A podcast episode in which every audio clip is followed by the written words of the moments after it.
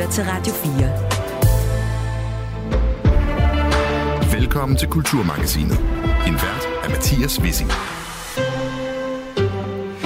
Hvis nogen skulle være i tvivl, så lever vi alle i Taylor Swifts verden, og nu cementerer den 34-årige superstjerne sin dominans i popkulturen med en tre timer lang koncertfilm.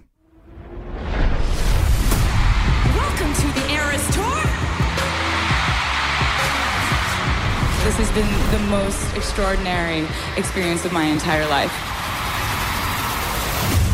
He looks so pretty like a devil is blue. She feels funny We're about to go on a little adventure together, and that adventure is going to span 17 years of music. How does that sound?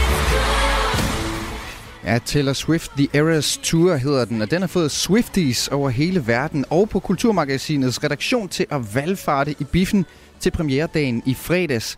Om lidt så kommer du med til øh, biografpremiere, og så får du et overblik over, hvordan Taylor Swift har fået hele verden i sin hulehånd. Det bruger vi det meste af timen på i dag i Kulturmagasinet. Men i morgen tirsdag er det præcis 10 år siden, at et af de vigtigste navne i nyere dansk litteraturhistorie, Yahya Hassan, udgav sin selvbetitlede debutdigtsamling. Det talte vi en hel time om i fredag, så alligevel så brændte vi ind med, hvad vi syntes var den måske allermest interessante vinkel, nemlig den, der handler om, hvordan de unge i dag læser digteren, der debuterede som bare 18-årig.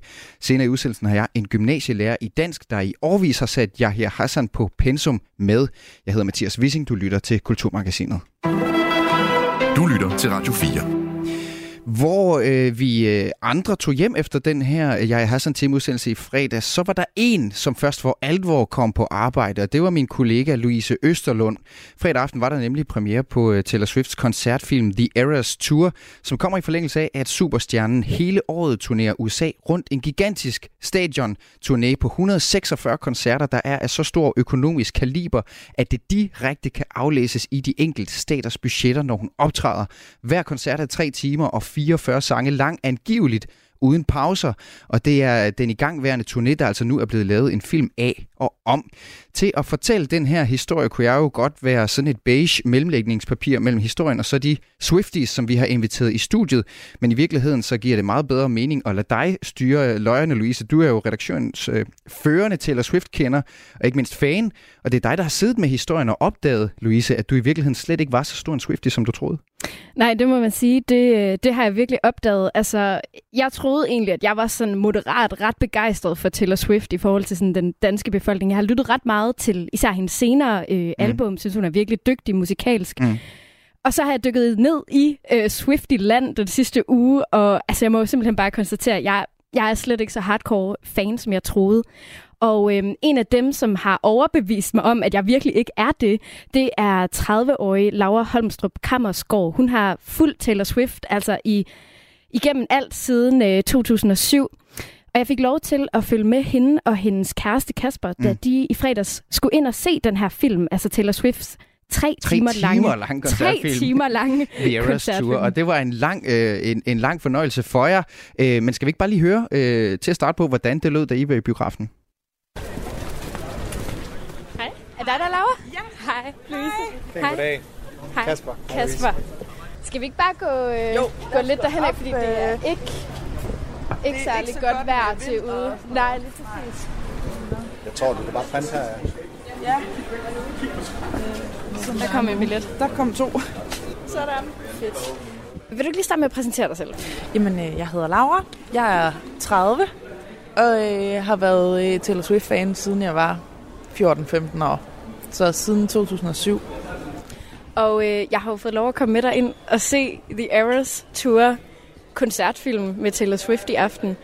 Og vi sidder i biografen nu, skal ind lige om lidt. Måske tanke lidt op på nogle snacks, tænker jeg. Det er jo tre timer langt. Har du tænkt over, hvad du skal have, have med ind i biografen?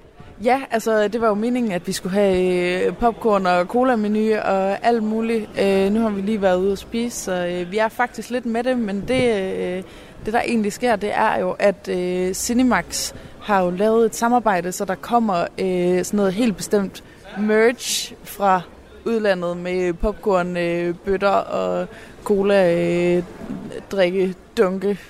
Øhm, og øh, det skal jeg i hvert fald have, og så må jeg se, om jeg kan købe dem tomme. Ja. jeg ved, du også havde tænkt lidt over dit outfit. Ja. Hvad, hvad har du taget på? Vil du ikke lige prøve at beskrive det, og hvorfor? Jo, øhm, jamen, øh, jeg, jeg har taget øh, sådan lidt efterårsoutfit på. Øh, lang brun øh, trenchcoat og store støvler og øh, brun striktrøje og brunt halseklæde øh, og rød læbestift. Øh, og det var egentlig meningen, det skulle have sådan lidt sådan en vibe af både Evermore era og øh, Red era. Som er to Taylor Swift albums, og nu putter du det her era-ord efter, som jo altså det, øhm, den film, vi skal ind og se, handler om, og den turné, hun har været på i år, og næste år tager, tager til Europa med, som jeg ved, du også skal ind og se. Kan du ikke lige prøve at forklare, hvad er det helt præcis med de her eras? Hvorfor er det, vi taler om det, når vi taler om Taylor Swift? Det er fordi, at øh, når der kommer et album, så er der et, øh, der er et helt univers omkring. Det er ikke bare et album, og det er ikke bare nogle sange, der er tænkt over rækkefølgen af, af hver eneste sang, øh, og hvordan den er placeret i forhold til de andre. Øh, og så er der bestemte udtryk, og det er både visuelt, men det er også øh, det auditive øh, øh, og det lyriske øh, univers. Og nu sagde du, at du havde været fan, siden du var teenager. Vil du ikke prøve at sætte nogle flere ord på, hvad er dit forhold til Taylor Swift? Jo, da jeg var 13-14 år, tror jeg, så øh, viste min bedste veninde mig øh, en musikvideo øh, fra hendes allerførste album. Øh, en, øh, en sang, der hedder Our Song. And he says, Our song is a slam and scream door, sneaking out late, tapping on your window when we're on the phone and you talk real slow. Cause it's late and your mama don't know. Our song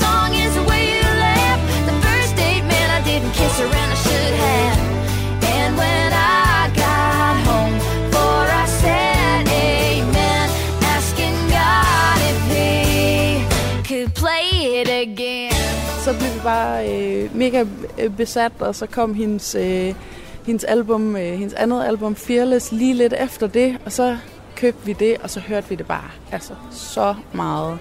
Og i frikvartererne på vores telefoner, der nærmest ikke kunne spille musik, øh, sad vi og hørte det her i frikvartererne og løb på gangene og øh, sang om at være 15, da vi var 15. det, øh, det var en helt speciel oplevelse, som, øh, som vi delte rigtig meget. Og det her med at, at kunne relatere til de ting, hun skriver om, fordi vi aldersmæssigt har fulgtes ad altid, det, øh, det har betydet rigtig meget for mig øh, at kunne, kunne læne mig ind i noget musik øh, og et lyrisk univers, hvor at, at jeg har kunnet spejle mig i mit liv i det. Mm. Ja. Jeg ved, at historien med din veninde jo ikke helt slutter der. Altså, at du mister din veninde. Ja, i, øh, i 2019, øhm, øh, der, der dør hun af øh, en hjernetumor. Øh, og, øh, og det var jo... Øh, det var jo hårdt på utilligt mange måder, øh, som, som ikke kan beskrives, men, øh, men, men det var også en måde, jeg sådan ligesom kunne, kunne leve videre i vores relation øh, med de her sangtekster. Faktisk lige da hun bliver indlagt på hospice, øh, udkommer øh, Lover-albummet, hvor der er et, et nummer på, der hedder Soon You'll Get Better, øh, som handler om Taylor Swifts egen mor, der også fik en hjernetumor. Øh, og det kunne jeg relatere rigtig meget til lige i den periode. You have to. I hate to make this all about me. But who am I supposed to talk? What am I supposed to do? If there's no Og når jeg øh, sidder ved øh, Camilla, min venindes gravsted, så sidder jeg også og hører de samme sange, som vi hørte, da vi var 15 år gamle. Øhm, og øh, og det, øh, det er sådan en, det er for mig også en måde at, at binde mig til Camilla på stadigvæk, selvom hun ikke er her. Og Laura, nu sagde du øh, tidligere, at det kan godt være, det kommer til at spoile lidt den koncert, du skal til, men er der noget, du øh, er spændt på at se ved filmen i dag? Jeg er meget spændt på at se det hele faktisk, fordi jeg har forsøgt at undgå så meget som muligt øh, på TikTok og ting og sager, netop fordi, at der følte jeg, at jeg ville få, få, øh, få øh, taget noget af, af overraskelsesmomentet. Øh, momentet. øhm, men, øh, men jeg glæder mig rigtig meget. Jeg ved, hun laver et akustisk øh, sæt Øhm, det glæder mig rigtig meget til at høre. Øhm, så glæder jeg mig til at se øh, de flotte danse og performances, øh, de laver, og øh, grafikken bag, og øh, altså lys og fest og farver. Det glæder mig bare vildt meget til at se. Ja, så stopper vi lige båndet her, Louise, fordi det, der så sker, det er, at I tanker popcorn og cola i officielt Taylor Swift merch for, for filmen, og så sætter jeg ind i IMAX i de her bløde sorte læderstoler. Hvad sker der så? Jamen, så bliver vi jo simpelthen øh, taget igennem Taylor Swifts musikalske karriere. Øh, 10 studiealbums, 10 æraer, som hun kalder det. For hvert æra er der selvfølgelig sin, øh, har selvfølgelig sin egen scenografi, sin egen farver, sit eget Kjoler kostyme. og outfits og sådan noget, der det passer til hele. æraen. Ja, og jeg må indrømme, altså for mig, jeg kryber lidt langt ned i det der IMAX-sæde på et Det er for tidspunkt. blødt. Det bliver lidt langt. Men øh, det gør det altså ikke for Laura, som er helt vildt begejstret, da vi kommer ud igen. Der var lidt popcorn tilbage. Hvad siger du? Der var lidt popcorn tilbage. En smule. Jeg kan simpelthen ikke spise mere. Hvad så? Var det en lang, lang øh, aften? Jamen, hvad synes du? Det var mega fedt. Jeg synes, det var mega fedt. Jeg glæder mig rigtig, rigtig meget. Åh, oh, min stemme, den er helt hæs. Hvad, altså, hvad, hvad gjorde det mega fedt? Øhm, jeg synes, at øh, jeg havde faktisk ikke troet, i og med at jeg ikke har set nogen af... Jeg har forsøgt bevidst at undgå at se øh, videoerne og så videre, så, øh, så havde, havde jeg faktisk troet, det var mere blandet. Jeg kunne godt lide, at det var delt op i de her errors, øhm, sådan man fik helhedsindtrykket øhm, af, hvor, hvor forskellige albumsene er, og de her errors. Ja, fordi som hun siger i starten af filmen, så er det jo 17 års musik, hun ligesom øh, kører sådan en tour de force igennem. Altså prøv lige, nu har øh, lytterne jo ikke været med ind i biografen. Hvad, hvad var det for et show, vi har set? Jamen, øh, det, er, øh, det er Taylor Swift, der tager os øh, gennem hele hendes øh, univers, fra hun var, øh, var 16 år gammel og til nu. Hun er, øh, er 33. Øh, og, og sange skrevet af en, af en teenager, og sange skrevet af en, en voksen kvinde. Øh, med mange, mange forskellige øh, stadier og oplevelser i livet. Øhm, og så er det et vanvittigt sceneshow, og øh, fede dansere og performer, og ja, det var jo Taylor fra hun var helt ung til hun er der, hvor hun er nu i start 30'erne. Hvordan var det at få de her sange sådan lige ved siden af hinanden? Hun blandede dem jo ret meget undervejs. Jamen, øh, det, øh, det, det var en, en god oplevelse. Det gjorde jo også, at, øh, at man ikke vidste, hvad der kom næst. Øh, så overraskelsesmomentet blev bevaret. Det synes jeg var vildt fedt. Og er der noget, du glæder dig rigtig meget til at se nu, hvor du skal til øh, Stockholm og se hende næste år? Altså, jeg må sige, uh, Reputation-sættet var vanvittigt. Det glæder jeg mig rigtig meget til at se. Og det var altså Laura Holmstrup Kammersgaard, som du, Louise, havde haft med i øh, biografen for at se The Eras Tour. Taylor Swifts nye og ret lange koncertfilm. Du lytter til Radio 4. Og vi taler i dag i Kulturmagasinet om øh, superstjernen her med den røde læbestift og det karakteristiske pandehår. Det gør vi, fordi at Taylor Swift jo ikke bare dominerer musikbranchen. Hendes magt den er også politisk, økonomisk. Den strækker sig på tværs af og langt ud over popkulturen. Tusindvis af amerikanere registrerer sig som vælgere efter blot en opfordring fra, fra Taylor Swift på de sociale medier. Hendes koncerter de booster som sagt staternes øh, BNP med flere millioner af dollars, når hun kigger forbi. Og Louise, øh, Kulturmagasinets Taylor Swift-korrespondent. Normalt er det sådan, at du som reporter på det her program strikker nogle spørgsmål sammen og inviterer nogle kilder i studiet, som jeg så taler med. Men lige præcis på det her felt giver det jo i særklasse ikke mening med mig som, som mellemmand. Så kan du ikke bare tage over her på resten af interviewet? Jo, jamen altså det synes jeg, da, øh, det vil virkelig klæde det her indslag at have øh, i hvert fald en aspirerende Swiftie, tror jeg, jeg vil kalde mig selv, ved øh, roret. Fordi vi skal jo netop prøve at forstå, hvorfor vi egentlig alle sammen er endt med at leve i den her regulære Taylor Swift-era. Og øh, til det formål, der har jeg øh, samlet Kulturmagasinets helt egen lille Swiftie-klub. Louisa og øh, Sofia Madsen, velkommen til jer. Mange tak. Jo, tak. I er øh, søstre, og så står jeg også bag Facebook-gruppen for danske Taylor Swift-fans. Og øh, jeg kan også sige velkommen til dig, Mie Lykke Sørensen. Ja, tak. Du er øh, musikjournalist på GAFFA, og øh, tør jeg også sige en, en fellow Swiftie. Åh, oh, det kan man godt sige, synes jeg. øhm, og Sofia og Louise Madsen, lad, lad mig starte med jer, fordi I var også inde og se uh, The Eras Tour-filmen i fredags. Sådan helt kort til at begynde med her, er I, er I enige i Lauras vurdering af filmen? Ja, 100 procent. Det synes 100%. jeg i hvert fald. Ja. Det var en helt fantastisk oplevelse. Ja. Og det er jo også meget forskellige Swifties, der var med ind og se filmen. Ja, prøv lige at sætte nogle ord på det. Hvad, hvad var det for et, et crowd, I var inde og se det med? Men der var alt fra hardcore Swifties, der stod op og dansede fra start til slut, og så var der også nogen, der måske kun lige kendte Shake It Off og 22, men som også kom op og dansede der. Mm. Så I stod simpelthen op inde i øh, biografen og gav den max gas hele, hele alle tre timer. Ja. Og lad os lige gå tilbage til starten, Sofia. Øh, Jeg ved, det er dig, der ligesom starter Taylor Swift-besættelsen i, i jeres familie. Hvor- Hvordan startede det for dig? Ja, men det var jo egentlig 2008, og jeg sidder hjemme på vores fælles værelse, går på YouTube.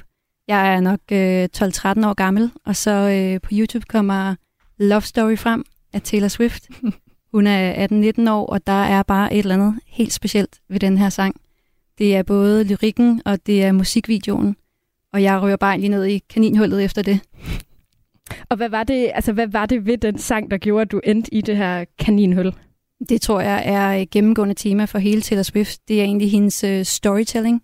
Den handler jo om øh, kærlighed, forbudt kærlighed, og hun skriver den på så fin en måde i forhold til den klassiske romantiske historie Romeo and Juliet. Og der tror jeg bare, at det var noget, jeg oplevede som første gang, som jeg ikke havde set hos andre kunstnere. Mm. Og øh, hun er jo især kendt for at lave både de her kærlighedssange og, og også de her øh, break-up-sange, som hun også selv har udtalt er, er noget af det, hun elsker at skrive allermest. Øhm, men hun har jo også det her famøse hævnalbum, tror jeg godt, man kan kalde det, fra 2017, der hedder Reputation, som hun skriver på et tidspunkt, hvor øh, hele altså popkulturen, som jo egentlig har elsket hende, har vendt sig lidt imod hende. Hun er ret upopulær på det tidspunkt. Øhm, og Louisa Madsen, jeg ved, det, det er det album, der, der ligesom overtaler dig om Taylor Swift. Lad os lige prøve at, at høre en lille bid fra det album. don't like your kingdom keys. They once belonged to me. You asked me for a place to sleep, locked me out, and threw a feast. The world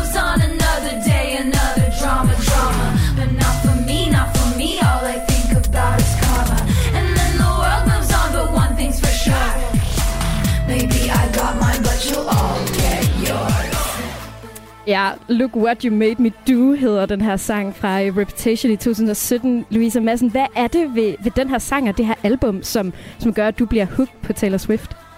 Um, jeg ved slet ikke, om jeg kan beskrive det helt, øh, helt specifikt, men jeg kan bare huske den morgen, at jeg gik til øh, busstoppet, øh, og jeg skulle i skole, og jeg satte det på, for jeg vidste, Sofia hun havde været fan i mange år, og jeg tænkte, okay, der er kommet et nyt album, nu bliver jeg lige nødt til at sætte mig ind i det. Og det er sådan, det var helt ubeskriveligt. Det føles altså virkelig som en religiøs oplevelse at sætte det album på og høre øh, Ready for It for første gang. Og så tror jeg bare, jeg var så vild med altså sådan både hendes attitude. Jeg synes, hun var virkelig stærk og virkelig sej, at hun kunne komme tilbage efter at have været cancelled i et år, og så bare komme tilbage endnu stærkere.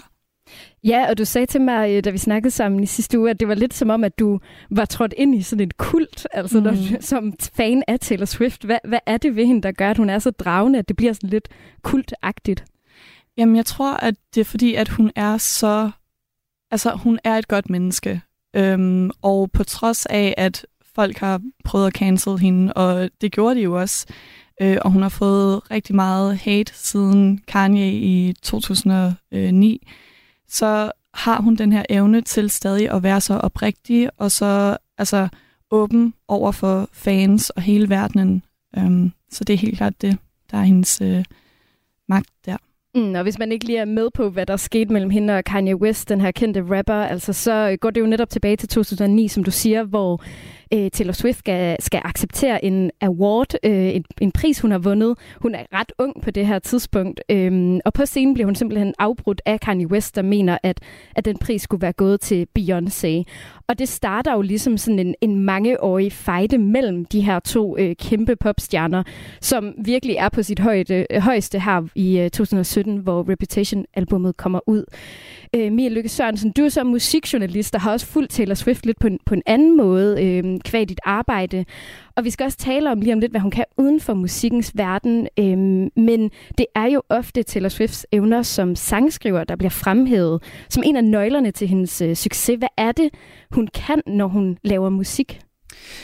Øh, jamen altså først og fremmest, så, så er hun bare ekstremt dygtig til sit håndværk. Altså øh, hun er en ekstremt dygtig komponist og sangskriver, og hun, altså, hun er bare ekstremt selvstændig også i det. Øhm, og det tror jeg faktisk også er derfor, hun, hun har vundet ret meget respekt. Øhm, altså både i branchen, men også hos sine fans, at hun er så self-made på en eller anden måde. Ikke? Øhm, og skriver alt selv øh, med meget få altså co-writers, hvor det kun ligesom er folk, der lige sådan kigger det efter i sømningen, efter det faktisk er lavet på forhånd. Øhm, og så er hun også bare sådan ekstremt god til at beskrive følelser. Øhm, altså, man flyder bare ligesom med, øh, når hun skriver. Øhm, og ja, altså, så har hun også bare sådan en, hun bliver jo kaldt blandt musikjournalister, øh, sådan lidt en musikalsk kameleon. Mm. Øhm, og det er, altså, det er jo fordi, hun bare har den her helt vilde evne til at bare flyde ind og ud af alle mulige genrer, og, og også bare sådan gøre det øh, vildt godt. Altså, mm. ja. Ja, det er jo også noget, der på en eller anden måde bliver bevist med den her Eras Tour. Altså hun er hele spektret rundt. Hun kan både indie, hun kan øh, countryen, som hun kommer fra. Hun kan især også poppen. Øhm, og noget af det, der jo også har, altså, kendetegner Taylor Swift, og som måske kommer på grund af, af de her sangtekster, øh, som, er, som er så øh, nærværende, det er jo det her, den her ekstreme dedikation i hendes fanskare, øh, de såkaldte Swifties. Mm. Under hele turnéen, der øh, har fans mødt op med hjemmelavet venskabsarmbånd, som de så har byttet øh, med hinanden. Og det er alt sammen opstået, fordi at Taylor Swift i en sang en linje er det faktisk øh, på det nummer, der hedder You're on Your Own Kid fra albumet Midnight, hendes nyeste album. Der nævner hun venskabsarmbånd. Ja.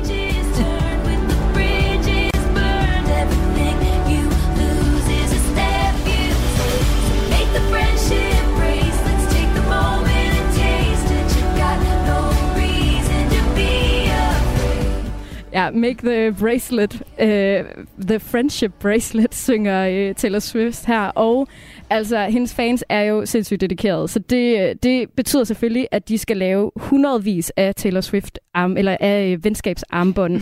jeg, jeg læste om en, der var kommet hjem med 400 venskabsarmbånd fra en, en koncert. Um, så det er rimelig dedikerede fans. Og Sofia Madsen, dig og Louise er jo ligesom også en del af den her bevægelse. I har, I har startet den danske Facebook-gruppe uh, for Taylor Swift-fans. I er omkring 1200 medlemmer, og det stiger hver dag, så vidt jeg kan se. Og det er jo til trods for, at Taylor Swift aldrig har spillet en koncert i Danmark.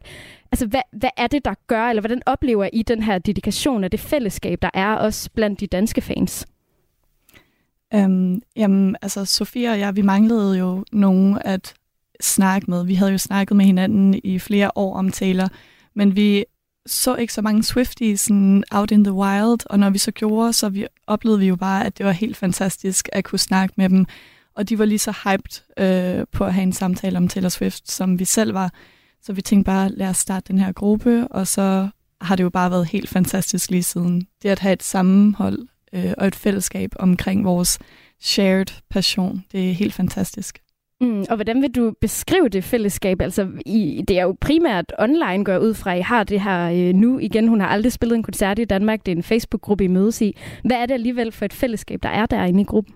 Jeg tror egentlig, for mig handler det egentlig også omkring det her med at være tryg i det her fællesskab. Vi har tidligere, da gruppen var lidt mindre, lidt færre personer, har jeg i hvert fald holdt nogle aftener, hvor at, øh, vi blandt andet har øh, lyttet til hendes albums, og bare kunne sidde sammen og diskutere hver eneste sang, hver eneste ting, der er sket. Det har været en fantastisk oplevelse for mig i hvert fald. Det er selvfølgelig lidt sværere nu, når vi er 1200 medlemmer, men øh, jeg kan da huske, at vi var 100, og jeg inviterede, og så var vi omkring 20-30 i min lejlighed. og vi sad der, og ingen af os kendte hinanden, men der var bare den her tryghed, at vi kunne dele vores passion for Taylor. Det var mm. i hvert fald noget helt vildt specielt. Mm, ja, så hun har en eller anden evne til at, at binde folk sammen, og det er jo måske også derfor, vi taler om Taylor Swift i dag, fordi hendes, hendes dominans og hendes magt er blevet så stor, at den ligesom også rækker ud over musikken. Øhm, Louise Madsen, jeg ved, du, du har tidligere oplevet, at det også har været sådan lidt pinligt eller kikset at sige, at man var Taylor Swift-fan. Hvordan har du øh, oplevet det? Øh, jamen, nu står jeg jo fuldt og fast ved det, øhm, og er slet ikke ashamed over noget.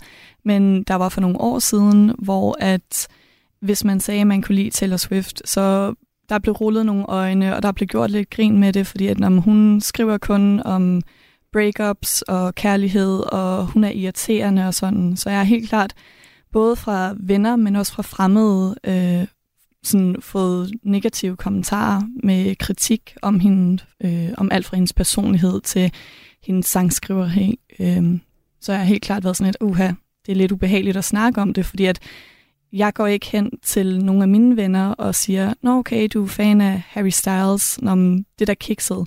Men det føler jeg, det har man helt klart fået at vide som Swifty. Det er som om, at så er det okay at gøre lidt grin med hende. Mm. Ja, og hvad tror du, altså hvad er det så, der har gjort, at det ligesom er, er skiftet, at det nu er mere okay at stå frem, som du siger, og være full-blown Swifty? Uh, det er svært at sige. Jeg tror bare, at hun altså virkelig har øh, år for år vist sig som den fantastiske person, hun er, og man kan ikke længere kritisere hende for hendes craft, øh, for hendes sangskriveri eller hendes reach øh, i musikbranchen. Øhm, så hvis man skal kritisere noget, så er det hendes personlighed eller nogle af de valg, øh, man tager. Men selv det, altså vi er alle sammen mennesker, og vi kan alle sammen lave fejl, og hun prøver at rette op på dem, når hun så laver fejl. Mm. Og øh, for alle dem, der måske ikke er sådan lige så bit af Taylor Swift, som vi jo nok godt kan indrømme, vi alle fire er øh, her i studiet. Øhm, så Taylor Swift jo også interessant, fordi hun har en eller anden evne til at få de der tektoniske plader i popkulturen til at røre på sig. Altså, når hun gør noget, så lytter vi andre. Og vi Lykke Sørensen, en af de ting, som Taylor Swift har haft gang i de seneste år, udover at udgive nye album, tage på en kæmpe turné og hvad hun nu ellers laver, det er jo så også at genindspille nogle af sine øh, tidlige album. Kan du ikke lige prøve at fortælle, hvad, hvad det går ud på? Øh, jo, altså, øh, øh, det starter med, at, øh, at, at ham her, øh, Scooter Brown, som er en, en brancheperson, øh, der er rigtig mange øh, musikere, især i Hollywood, som arbejder med ham, som Justin Bieber og Demi Lovato og sådan noget. Han simpelthen øh, vælger at sælge hele Taylor Swifts øh, bagkatalog. Øh, hvad hedder det? Sælge rettighederne. Øh, og sådan, altså det, det, det øh, finder hun sig ikke i. Øhm, øh, hvor mange andre måske øh, sådan vil, vil bare anerkende, at det måske er en præmis i musikbranchen, øh, så, øh, så går hun simpelthen ud offentligt og øh, fortæller, at hun har simpelthen tænkt sig at øh, genindspille samtlige øh, albums fra hendes øh, bagkatalog. Øh, og det gør hun så. Det ord holder hun. Altså, øh, ja. Ja, så det er jo sådan et forsøg på på en eller anden måde at reclaime øh, retten til sin egen musik. Og hvorfor mm. er det så, at det ligesom øh, får opmærksomhed, at hun gør det her?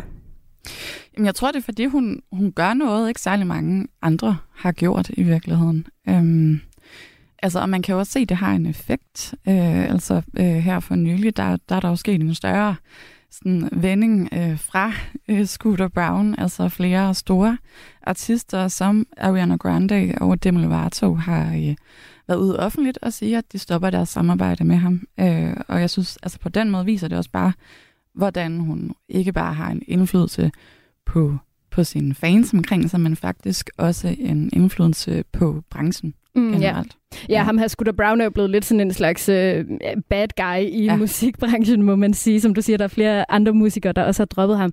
Ja. Og det er jo så ikke kun i musikbranchen, som Taylor Swift ligesom lykkes med at, at gå forrest i. Altså hun er jo også bare blevet den her globale øh, magtfaktor, og det ser man jo både økonomisk, kulturelt, politisk. Mm. Hun er altså modsat andre popstjerner ikke bange for at bruge sin øh, stemme politisk, i hvert fald ikke de seneste år. Mm. Øhm, både til at bakke op om bestemte politikere, det har hun tidligere gjort i sin øh, hjemstat Tennessee, eller til at skabe øh, opmærksomhed omkring politiske dagsordner øh, som ulighed mellem køn øh, eller homoseksuelle rettigheder. Lad os lige få et lille klip fra den sang, der hedder The Man, hvor hun blandt andet synger om det her. so sick of running as fast as I can. Wondering if I get there quicker if I was a man. And I'm so sick of them coming at me again. Cause if I was a man, Ja, det her det var sådan lidt uh, Taylor Swifts uh, svar på Beyoncé uh, If I Were a Boy, ikke? Uh, men i stedet for, at det handler om, hvordan du er følelsesmæssigt i dit forhold, så handler det altså om dine muligheder på, uh, på jobmarkedet, kan man sige. Altså, uh, Taylor Swift synger jo her, hvis nu jeg var en mand, så kunne det være, at jeg ligesom steg lidt i graderne lidt, uh, lidt hurtigere. Uh, og øh, op til altså den her Eras Tour, som vi jo har snakket om, er også bare et langt bevis på hendes magt, især økonomisk. Øh, der er slået den eneste, ene økonomiske rekord efter den anden. En af mine øh, favoriteksempler, det er den gyserfilm, der hedder The Exorcist Believer. Den skulle have haft premiere i øh, fredags, hvor der var premiere på, på Taylor Swift film. Men da de ligesom hørte, at uh, The Eras Tour blev rullet ud den her fredag den 13. oktober, ellers meget passende til en, til en gyserfilm, så rykkede de simpelthen premiere-datoen øh, en hel uge, fordi de skulle altså ikke bede om at, at øh, konkurrere med, med Taylor Swift. Øhm, Mie Lykke Sørensen, altså hvordan er det lykkedes Taylor at skabe den her platform, der jo ligesom transcenderer ud over musikbranchen? Øh, altså, det tror jeg, der er flere grunde så Jeg synes faktisk også, at de her to ægte Swifties her i studiet har sådan beskrevet det ret godt. Øh, fordi hun har sådan en ret... Altså, hun har en ret øh, særlig måde at resonere med sine fans på. Øhm, og det, jeg tror, altså, det starter nok faktisk også i, at hun på mange, mange måder ikke er øh, det der klassiske eksempel på en pop, kvindelig popstjerne. Altså hun er, øh, hun er faktisk, hun er ret menneskelig og meget gennemsigtig, og det er hun også i sin måde at kommunikere med hendes fans. Altså hun, hun symboliserer ikke som sådan det her glansbillede. Hun lægger øh, billeder ud på Instagram af hendes katte. Øh, altså sådan, og er på mange måder faktisk meget, meget average girl. Altså, øh, men, men samtidig så, så, så har hun også, altså hun, øh, hun stiller også krav til, til sine fans på nogle punkter, altså, og det gør hun jo blandt andet også øh, i at bruge sin platform på en ny måde, ved at gå ud og, og, altså, og øh, opfordre øh, sine unge fans til at stemme.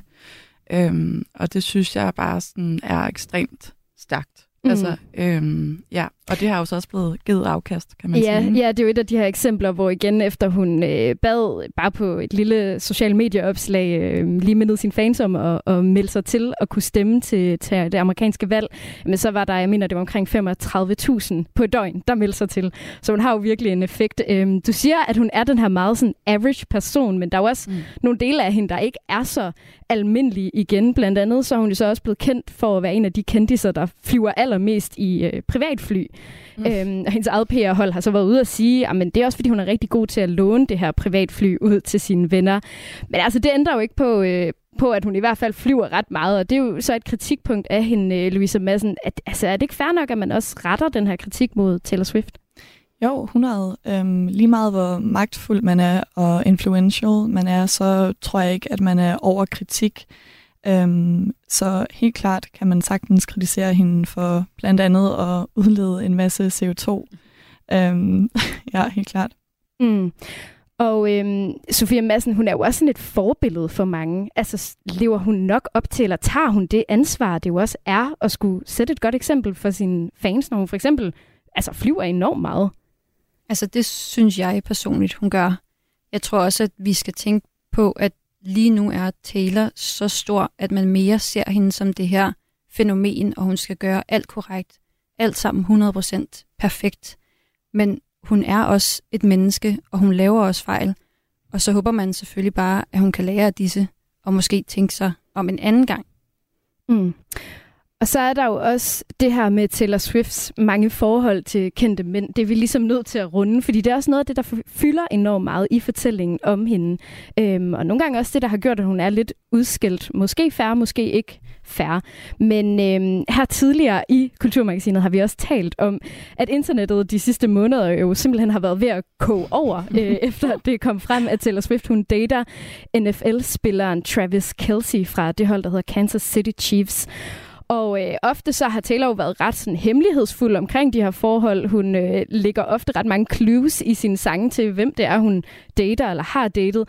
Men øh, til al held for de Swifties, der godt kan lide at følge med i hendes privatliv, så ham her, Travis Kelsey, hendes nye fyr, han har simpelthen en podcast øh, med sin bror, hvor han i hvert fald ikke er bange for at fortælle lidt om det her forhold. we got to talk about it. Yeah, my personal life that's not so personal. Yeah, well, I did this to myself, Jason. I know this. Well, Trav, um, how's it feel that uh, Taylor Swift has finally put you on the map? I just thought it was awesome how everybody in the suite had nothing but great things to say about her. You know, the friends and family. She looked amazing. Everybody was talking about her in great light. And on top of that, the day went perfect for Chiefs fans, of course. We scripted all, ladies and gentlemen. Shout out to Taylor for coming through and see me rock the stage. Ja, kun rosende ord til uh, Taylor Swift her fra hendes nye fløjt, Travis Kelsey. Um, Louise Madsen, jeg ved, du nogle gange synes, det er lidt svært at gennemskue, om de her forhold, Taylor Swift har, om de er ægte, eller om det bare er ren PR, altså noget, der sker for pressens skyld. Hvad betyder det egentlig? Nu har vi talt om, at hun, hun er autentisk, og hun er sig selv, og det er ligesom det, der er hendes store øhm, kraft. Hvad, hvad gør det egentlig ved dig som Taylor Swift-fans, at det nogle gange er svært at gennemskue, hvad der egentlig er ægte, og hvad der bare er altså ren kalkuleret markedsføring? Jamen, jeg tror også, at det er noget af det, der er lidt spændende, at øh, man kan følge med i, fordi at så kan man, hun er jo virkelig åben i hendes sange, og jeg tror virkelig, at hun fortæller sandheden, og øh, de følelser, hun har igennem hendes musik, og det er der, hvor at man virkelig kan lytte efter og se, okay, det her forhold, var det faktisk ægte, eller var det bare endnu et PR-stunt? For jeg tør ved med, at flere af de forhold, hun har været i her i de seneste par år, de har været PR-stunts, øhm, og det er jo meget normalt i Hollywood, øh, for at skabe noget øh, uproar omkring nogle mennesker. Øhm, men det er helt klart det, at øh, det gør det virkelig spændende at følge med i hendes liv. Mm, men Sofia Madsen, når nu meget af hendes musik jo netop også handler om hendes egne forhold, øh, hun er enormt god til at skrive de her breakup songs, altså går der ikke noget af autenticiteten, når man simpelthen er i tvivl om, om det, hun skriver, er, er sandt? Mm, jeg tror egentlig, at det, hun skriver i sangene, er sandt. Og så, hvad der sker ud over det, det kan man altid diskutere, om det er PR eller ej. Men jeg vælger at stole på, hvad sangene siger, og hvad hun beskriver der, så det kan jo godt være om, en, om et år, eller to, eller nogle måneder, at der kommer et album ud, og der så ikke er nogen sange om Travis at all. Nå, så kan man måske vælge at tænke, det lidt var PR. Mm. Og øh, her til sidst, øh, Mie Lykke Sørensen, hvad siger det egentlig om Taylor Swift, at hun bruger alle dele af sig selv, altså også hendes kærlighedsliv og de her forhold, så bevidst i, øh, i sin musik og i sin karriere?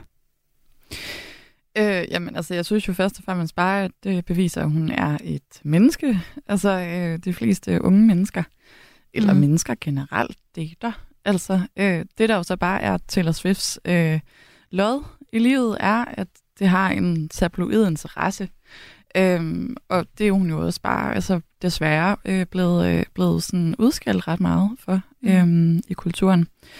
Øhm, jeg synes så bare, altså det har hun jo også, øh, som vi lige hørte, The Man, det har hun jo netop også sat ord på, ikke? At, at der er jo også noget, en eller anden kønsulighed ikke? i, hvordan man, sådan, man, man tilgår øh, kvindelig seksualitet, og mm. det at date som kvinde, øh, det er jo sådan helt, øh, helt fjollet, at det skal have sådan en, en diskurs omkring sig, at hun dater mange mænd i flæng. Altså, øh, og jeg synes bare også, hun har været virkelig god til at, øh, at behandle det. Altså, hun gør det stadigvæk, og hun fortsætter med at gøre det. Det synes jeg egentlig bare er sætter et ekstremt godt eksempel for rigtig mange og det sagde, altså, det sagde altså Mie Lykke Sørensen afslutningsvis. Jeg bliver nemlig nødt til at intervenere med Swift-klubben her og sige, at vi ikke har mere tid. Men altså, tak til uh, Kulturmagasinet Swifty Klub for at debattere Taylor Swift-fænomenet.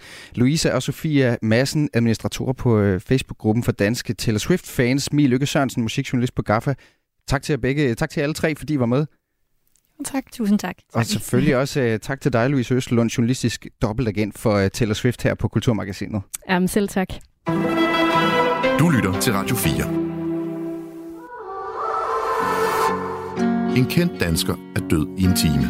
Jeg synes, det ville være skrækkeligt, hvis jeg vidste noget skulle være for evigt. Men først skal de spise et måltid, som var det deres sidste. Så kommer, kommer desserten. Så kommer den altså. Fuck, hvor er det Og, voldsomt. Og altså, hvorfor, Anna? Hvorfor? Altså, jeg aner det ikke. Sammen med vært Lærke Kløvedal taler de om døden, maden og alt derimellem. Men fjordrejer, det er barndom. Det er gode stunder med min far. Det er noget af det eneste, jeg har haft med papa. Lyt til det sidste måltid i Radio 4's app, eller der, hvor du lytter til podcast. Æret være hans minde. Radio 4. Var det det? Det var det. Ikke så forudsigeligt.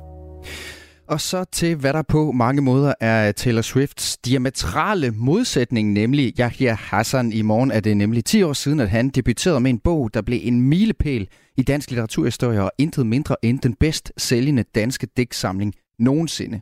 Mig, jeg spiser en af min mors retter og går ud af dør og laver en hjemrøveri. En hos gammel dame med epilepsi. Gammel dame med epilepsi er bange for fucking perker med hu med huller i. Begynder at skrige, min hånd på hendes mund, min ven i hendes pung. Mig, jeg løfter hende over i seng som en hjemmehjælper og overlader hende til hendes epilepsi som en hjemmehjælper. Ja, sådan lød han umiskendeligt, Yahya Hassan, hvis første digte altså udkom i morgen for 10 år siden. Den øh, palæstinensiske digter nåede at udgive to digtsamlinger, inden han døde i 2020 i en alder af knap 25 år. På de syv år, der gik fra hans debut til hans alt for tidlige død, der var han over det hele. Derfor så ryddede vi her på Kulturmagasinet i fredags fladen for at tale om betydningen af Yahya Hassans debut. Men vi har flere skud i bøssen. Nu skal det nemlig handle om, hvordan de unge i dag kan læse ham, og hvilken kontekst Yahya Hassan indgår i i dansk litteratur i dag. Elisa Stubgaard Frank, gymnasielærer i dansk og samfundsfag på St. Knuds Gymnasium i Odense. Velkommen til Kulturmagasinet. Mange tak. Jeg er glad for, at jeg måtte være med. Det må du gerne, og det må du, Elisa, fordi jeg har luret på dig i rigtig lang tid. Du er nemlig en af de danske lærere, som er rigtig god til at spytte idéer ud til alt muligt i dansk øh, litteratur. Og øh, du har gjort Jaja Hassan til en øh, mere eller mindre fast del af pensum i din das, dansk undervisning her. Han er jo ikke en af vores sådan, øh, kanonforfattere endnu, men Elisa, hvad er det alligevel ved hans digte, der gør, at de er gode at bruge i dansk undervisning i dag? Øhm, jeg synes, der er rigtig mange grunde til, at Jaja Hassan han er øh, velegnet til gymnasielæsning. En af de ting, jeg, jeg sådan allerbedst kan lide ved ham, det er, at han havde en helt særlig stemme i dansk litteratur. Altså man kan, øh, man kan nemt genkende hans tekster, øh, selv hvis man ikke er sådan en helt vildt trænet læser. Øh, Øh, så det er, den ene, det er den ene ting, og den ene del af ham, jeg, jeg bruger. Øh, men så synes jeg også, at han var en person, og hans, hans værker er, øh, er sådan helt særligt knyttet sammen med noget, der er sket tidligere i vores litteraturhistorie. Altså, så jeg synes, han er sådan interessant at binde sammen med noget af det, der skete øh, for mange år siden, og nogle af de strømninger, der, der peger sådan helt tilbage til, til det moderne gennembrud og, øh, og Geo Brandes og det her med at sætte problemer under debat. Og hvordan han passer ind i det, øh, vil jeg spørge dig om lige om lidt. Men først så vil jeg lige spørge dig, øh, han debuterede som 18-årig nogenlunde samme alder, som, som, som mange af dine gymnasieelever er. Altså er han et bekendtskab, som, som de reagerer på i, i undervisningen? Altså, øhm, det er lidt forskelligt. Der er jo nogle af mine og vores elever, som, som ikke rigtig er særlig orienteret i noget som helst. Øh, øh, sådan kulturelt eller litterært. Øh, men, men jeg har sådan alligevel en karakter, som, øh, som, som mange af dem har set eller hørt eller, eller sådan, øh, har, har stødt på før. Øh, jeg, jeg øh, talte lige med nogle af mine 3.G'ere i, i sidste uge om ham, øh, og der var en af dem, der sagde, at han, han er sådan en af de store, mm. store navne i dansk litteratur, synes han, og han, han øh, var sådan en problembarn og fascinerende på mm. samme tid. Men det er jo 12-tal lige der. Så, så jeg tror, mange af dem har... ja, ah, ikke helt, det. Men det er da en god start. Jeg ved, øh, jeg ved, Elisa, at du bruger ham netop i, i flere forskellige temaer, som du var inde på. Altså både i øh, nogle forskellige mm. forløb. Du har et forløb, der hedder tekster, der vil forandre, og tekster, der, der taler om klassekamp. Kan du ikke tage os på sådan et, et lynkursus i, hvordan han passer ind i de her temaer? Lad os starte med, hvilke paralleller der for eksempel er fra, fra Jaja Hassan, og så øh, altså til tekster, der vil forandre. Hvordan bruger du ham i, i den kontekst der? Mm.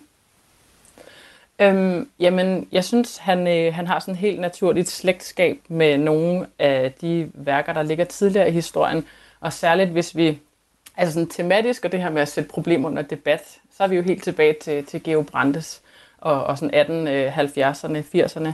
Øhm, men der, hvor jeg sådan synes, der er en klar parallel, det er til den danske forfatter Rudolf øh, Broby Johansen, som i, i 20'erne udgav en, en øh, digtsamling, der hed Blod, eller det hedder den jo sådan set stadigvæk, der hedder Blod, som var ekstremt provokerende, og øh, altså han blev også øh, han blev sådan dømt for utugtig kunst, fordi det handlede om prostitution og mor og øh, abort med strikkepinden, og, mm. og, øh, og der, der er rigtig meget øh, at, at drage paralleller til, fordi han blandt andet også skrev med det, vi kalder versaler, altså store bogstaver, mm. som jo også er noget af det, som virkelig kendetegner jeg Hassan. Og øh, der var også en, en vrede og en indignation i den måde, Rudolf Brobe Johansen han mm. skrev på. Og jeg ved også, jeg kan huske for de der meget... lister over øh, jeg Hassans egen, der er en lille forsinkelse på, det skal du ikke tage dig af, Elisa, men det er derfor, det lyder som om, jeg afbryder dig. Jeg ved, at han øh, nemlig også selv har, har, har i tale sat den der forbindelse til Rudolf Brobe Johansen som et forbillede.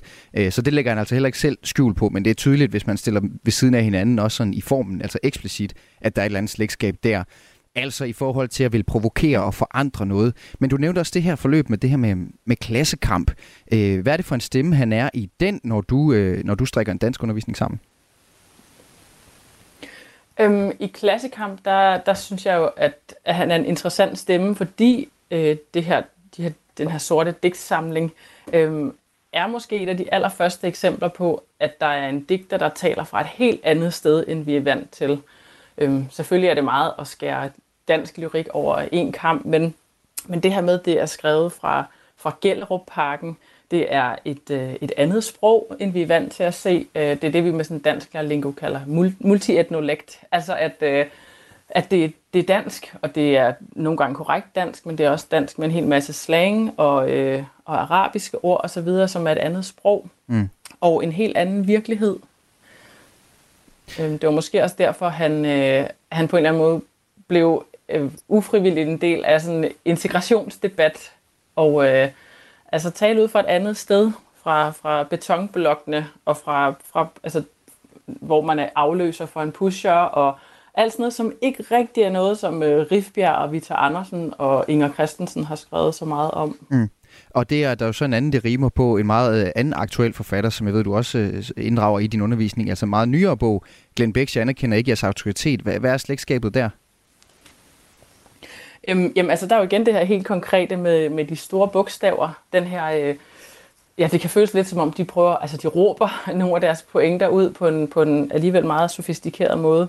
Øhm, og, og jeg ser et, et slægtskab på den måde, at, øh, at de ligesom prøver at sige noget om, hvad det vil sige at vokse op på en anden måde, mm. end, øh, end de fleste gør. Mm. De er jo på en eller anden måde også fuldstændig modsætninger. Altså, øh, jeg Hassans handler jo om den der sådan tokulturelle og øh, skældet mellem at være kriminel og så øh, at være muslim, øh, hvor Glenn Beck jo handler om noget helt andet, som, som homoseksuel øh, vokset op i Horsens øh, med, med søde mutti og så videre. Mm. Men alligevel så er der et eller andet om, hvordan man passer ind mm. i, hvordan kommer man til sprogligt at passe ind øh, i eliten og i samfundet. Må jeg, må jeg ikke nok komme med øh, på St. Knuds øh, Gymnasium på et tidspunkt, Elisa, og, få, og lige være med i den her i den der parallel der mellem Glenn Beck også og, og jeg er sådan. Det kunne jeg i hvert fald godt tænke mig, det kan vi se, om vi kan aftale bagefter. Øh, først så vil jeg også lige spørge dig om, ja. øh, det her, øh, du har også et værktøj, som handler om at få din elev til at skrive digte, ligesom jeg er Hassan. Altså hvor der er, der er selvfølgelig det her med, med versalerne og sådan, men hvordan fungerer det? Altså hvad er det for et, øh, et værktøj, du trækker ind i undervisningen? Jeg bruger ham også nogle gange i en, et forløb, der jeg har nogle gange kaldt det øh, litteraturens sprog, eller litteraturens billeder. Nej, øh, undskyld, lyrikkens sprog. Øhm, øh, jeg er sådan en, der kommer til at lave alt for meget om i min forløb hele tiden, så jeg genbruger ikke øh, ting sådan øh, slavisk, men i hvert fald lyrikkens sprog, hvor vi arbejder med, hvordan kan man bruge det lyriske sprog til at udtrykke sig på. Og der læser vi forskellige digtere, som skriver på meget forskellige måder. Og der er jeg Hassan en af dem, der er vildt sjov at bruge, netop fordi han er ret genkendelig, og han har også, ved at våge at påstå, nogle, øh, nogle, der er nogle virkemidler, han rigtig godt kan lide, som er relativt let, uh, let at afkode for eleverne. Han bruger mange af sådan nogle besjælinger. Øhm, han bruger meget af det, vi kalder alliterationer, altså bogstavrim, sådan noget med pøler, pis, tv, transmitterer. Mm. Den første, der får en flad, øh, når far får fri. Mm. Øhm, sådan Mm. nogle bogstavrim, som er nemme at afkode, og de er nemme at kopiere. Så jeg beder dem øh, nogle gange i et modul, når vi har arbejdet med ham, at de skal skrive deres eget Yahya Hassan-digt. Mm. Og det skal jo ikke være sådan noget kulturel appropriation, men, øh, men det her med at prøve at, at, at lave en, øh, et bud på, hvordan han ville have skrevet, så kan jeg nogle gange give dem nogle forskellige emner, men så skal de prøve at, at kopiere Det hans er da helt oplagt. Det vil jeg, det vil har jeg, vi have med også som, nogle gange... det vil jeg have med som selskabslej, det der, ja. Elisa. Det tager jeg med næste gang, jeg skal i byen. Ja, det er også Øhm, ret sjovt med oplæsning. Ja, netop. Ja, der, der må også gå noget igen. Det, det, er så, det kan være et festligt indslag. Det skal jeg have med på weekend her. Nu er det desværre mandag, men jeg må, jeg må skrive mig den bag øret. Mm. Øh, Elisa, jeg skal lige have en ting med, for ja. En ting var jo, at jeg har sådan blevet kendt for sine digte, men han blev i høj grad også kendt for sine optrædener i, i medierne, hvor han jo ved flere lejligheder nægtede at følge spillereglerne. Jeg har taget et klip med fra TV2 Østjylland, som jeg ved, du netop har brugt til at undervise en helt tredje ting, jeg har sådan... Øh, beslægtet, nemlig ja. Høflighedsprincipper. I, I det her klip, der blev han interviewet i forbindelse med, at han stillede op til Folketingsvalget i 2015. Sådan en lille absurd detalje i hele historien om Jaja Hassan, hvor han kom jo ikke ind. Øh, men han blev altså interviewet på TV2 Østjylland, og verden afslutter i Jaja Hassans øjne interviewet for tidligt, hvorfor han for, øh, nægter at forlade studiet, og så lyder det ellers sådan her.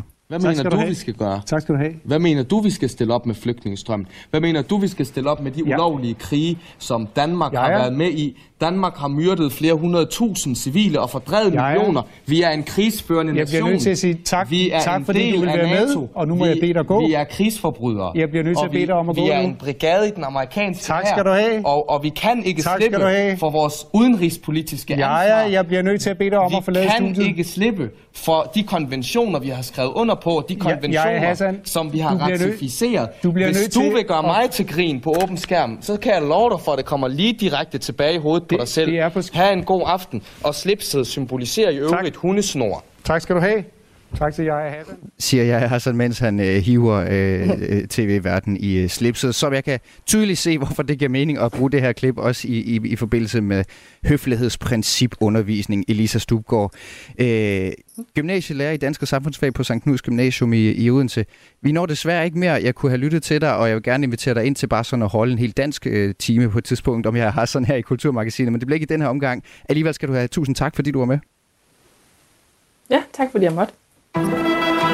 Du lytter til Radio 4. Når vi taler om øh, Yahya Hassan, så er det som sagt altså, fordi det i morgen er præcis 10 år siden, han debuterede med, hvad der blev den bedst sælgende digtsamling i Danmarks historie. En anledning, vi i øh, fredags markerede ved at sende en hel time om Yahya Hassan. Desværre døde han som bekendt i april 2020 for godt øh, tre et halvt år siden, og i den forbindelse, der var min kollega her på Radio 4 en tur i, øh, i Aarhus V, hvor han er født og opvokset for at få reaktioner på hans dødsfald. Og de reaktioner fortæller på en meget fin måde noget meget vigtigt og meget ærligt om Yahya Hassan, som jeg derfor har lyst til lige at tage med for at binde sløjfe på det her tema om digteren, som vi har haft her på øh, Kulturmagasinet.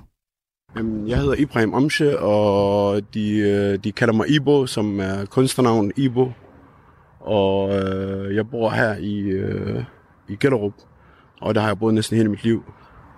Har du nogensinde læst et af hans digte? Om jeg har læst det af hans digte. Jeg har faktisk lavet en rapnummer med ham.